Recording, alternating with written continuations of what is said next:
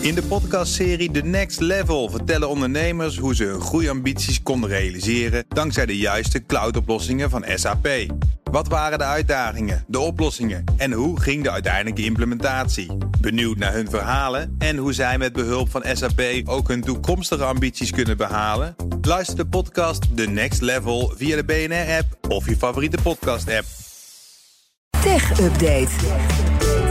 Met Stijn Goosens, die hartstikke goed is in zijn werk, dus nooit promotie gaat maken. Stijn, fijn dat je er bent. Nooit, nooit. Jammer. Jawel hoor.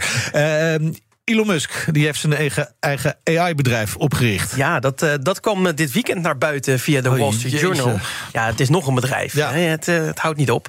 En eh, dat gerucht hing wel al even in de, in de lucht. Want er werd bekend op een gegeven moment dat Musk duizenden grafische kaarten gekocht had. En die kan je wel voor cryptominen ook gebruiken. Ja. Maar die kan je ook gebruiken voor generatieve AI. En het bedrijf heeft de naam X.ai. En dat verwijst dan weer naar X-Corp. Dat is een ander bedrijf dat hij eh, opgericht heeft eh, afgelopen maand. Eh, waar Twitter nu ook onder valt. Eh, Musk die wil namelijk een alles-in-één-app maken. En dat zou X moeten gaan heten. En zo'n alles-in-één-app kennen we wel uit China. Daar hebben we natuurlijk WeChat dat eh, gebruikt Ja, wordt voor ja, van alles ja, en nog wat. ja. Ehm, ja, Ja, waar je dus niet alleen maar berichtjes kunt achterlaten, maar ook gelijk gewoon dingen kunt kopen en dergelijke. precies. Eigenlijk, is niet alleen voor chatten, het is ook voor kopen, betalen. alles wat je wil. Bijna alles in China Ja, zeker. Maar het is toch wel een beetje gek, want Musk, Musk die wilde juist een pauze op die ontwikkeling van de AI. Ja, dat maakt deze ontdekking van het nieuwe bedrijf ook zo interessant. Want Musk, eh, volgens de documenten die The Verge inzag, eh, heeft Musk dit bedrijf opgericht op 9 maart 2023. Ja, Dus iedereen moet pauzeren behalve hij. Nou ja, op het wordt weer. 29 maart, ja, 20 dagen later, Ja. zette hij zijn handtekening onder die brief met duizenden experts die zeiden: we moeten een pauze op AI hebben. En bovendien heeft Musk openlijk kritiek geuit op de aanpak van OpenAI, die voorop loopt eh, met de ontwikkelingen van AI. En Musk stond zelf ook aan de wieg van dat OpenAI 2015. Toen vertrok hij wel drie jaar later, want hij had nog een ander AI-bedrijf, tenminste de Tesla, dat is ook met AI bezig. En wat Musk dan precies van plan is met X.ai, dat is niet bekend. Ehm, want Musk heeft er zelf nog niks over laten horen. Eh, sterker nog, toen het hem gevraagd werd over al die grafische kaarten op de Twitter Space van hemzelf, ja, toen eh, heeft hij daar niks over gezegd. Hmm. Toen zei hij: ja, iedereen koopt tegenwoordig grafische kaarten. Nou, dat niet duizenden, maar ja. Eh, Dus eh, ja, we gaan, het, eh, we gaan het merken wat hij van plan is. Maar dat hij iets van plan is, dat Ja, is dat duidelijk. is wel duidelijk. Het is ook duidelijk dat Google wat van plan is op het gebied van AI. Nieuwe Zeker. plannen volgens de New York Times. Ja, de krant meldt dat Google werkt aan een hele nieuwe zoekmachine. waarbij AI een veel actievere rol gaat spelen. En moet gaan anticiperen op de behoeftes van de gebruikers. Moet veel persoonlijkere ervaring gaan bieden. En dat is ook hard nodig, want de krant schrijft ook dat Samsung mogelijk wil overstappen naar Microsoft's Bing als standaard Ah. zoekmachine voor haar apparaten. Dus dan als je dan een Samsung-telefoon hebt, kan je niet meer googlen, maar alleen nog maar bingen. Eh, en ja, dat is tegenwoordig misschien nog best wel interessant, want Bing loopt best wel voorop met AI. Ja. Ehm, en dat werd in maart al bekend onder Google-medewerkers. Eh, en dat kwam behoorlijk als een schok binnen, schrijft de New York Times. Het gaat dan namelijk om een jaarlijke inkomstenbron van eh, 3 miljard dollar. En dan heb je ook nog die deal met Apple, want Apple-apparaten hebben ook Google. En daar betaalt Apple 20 miljard dollar per jaar voor.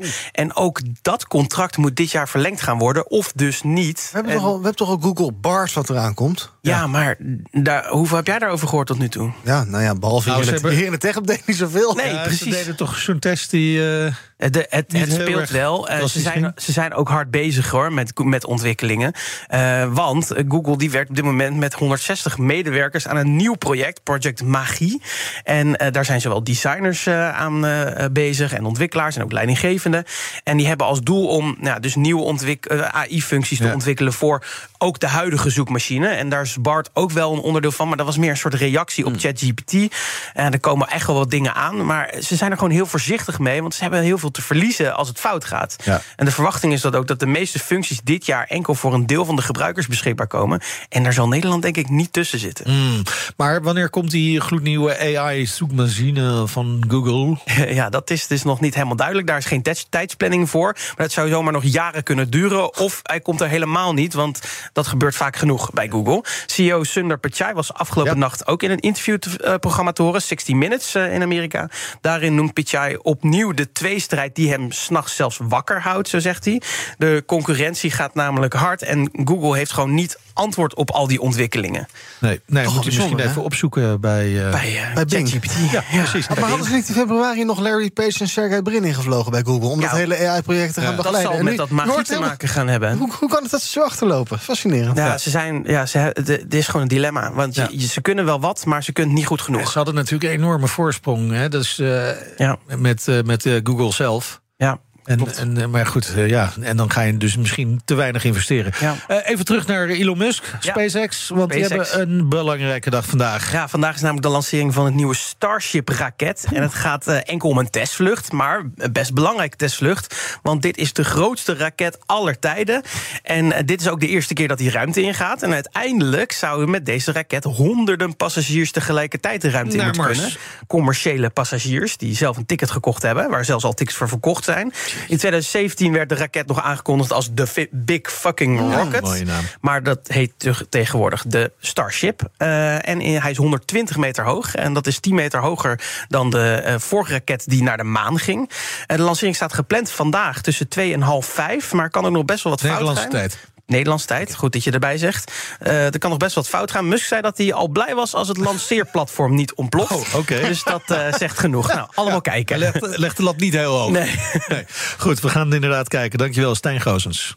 De BNR Tech Update wordt mede mogelijk gemaakt door Lenklen. Lenklen. Betrokken expertise, gedreven resultaat.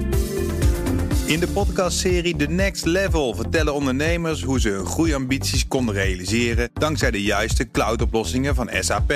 Wat waren de uitdagingen, de oplossingen en hoe ging de uiteindelijke implementatie? Benieuwd naar hun verhalen en hoe zij met behulp van SAP ook hun toekomstige ambities kunnen behalen? Luister de podcast The Next Level via de BNR-app of je favoriete podcast-app.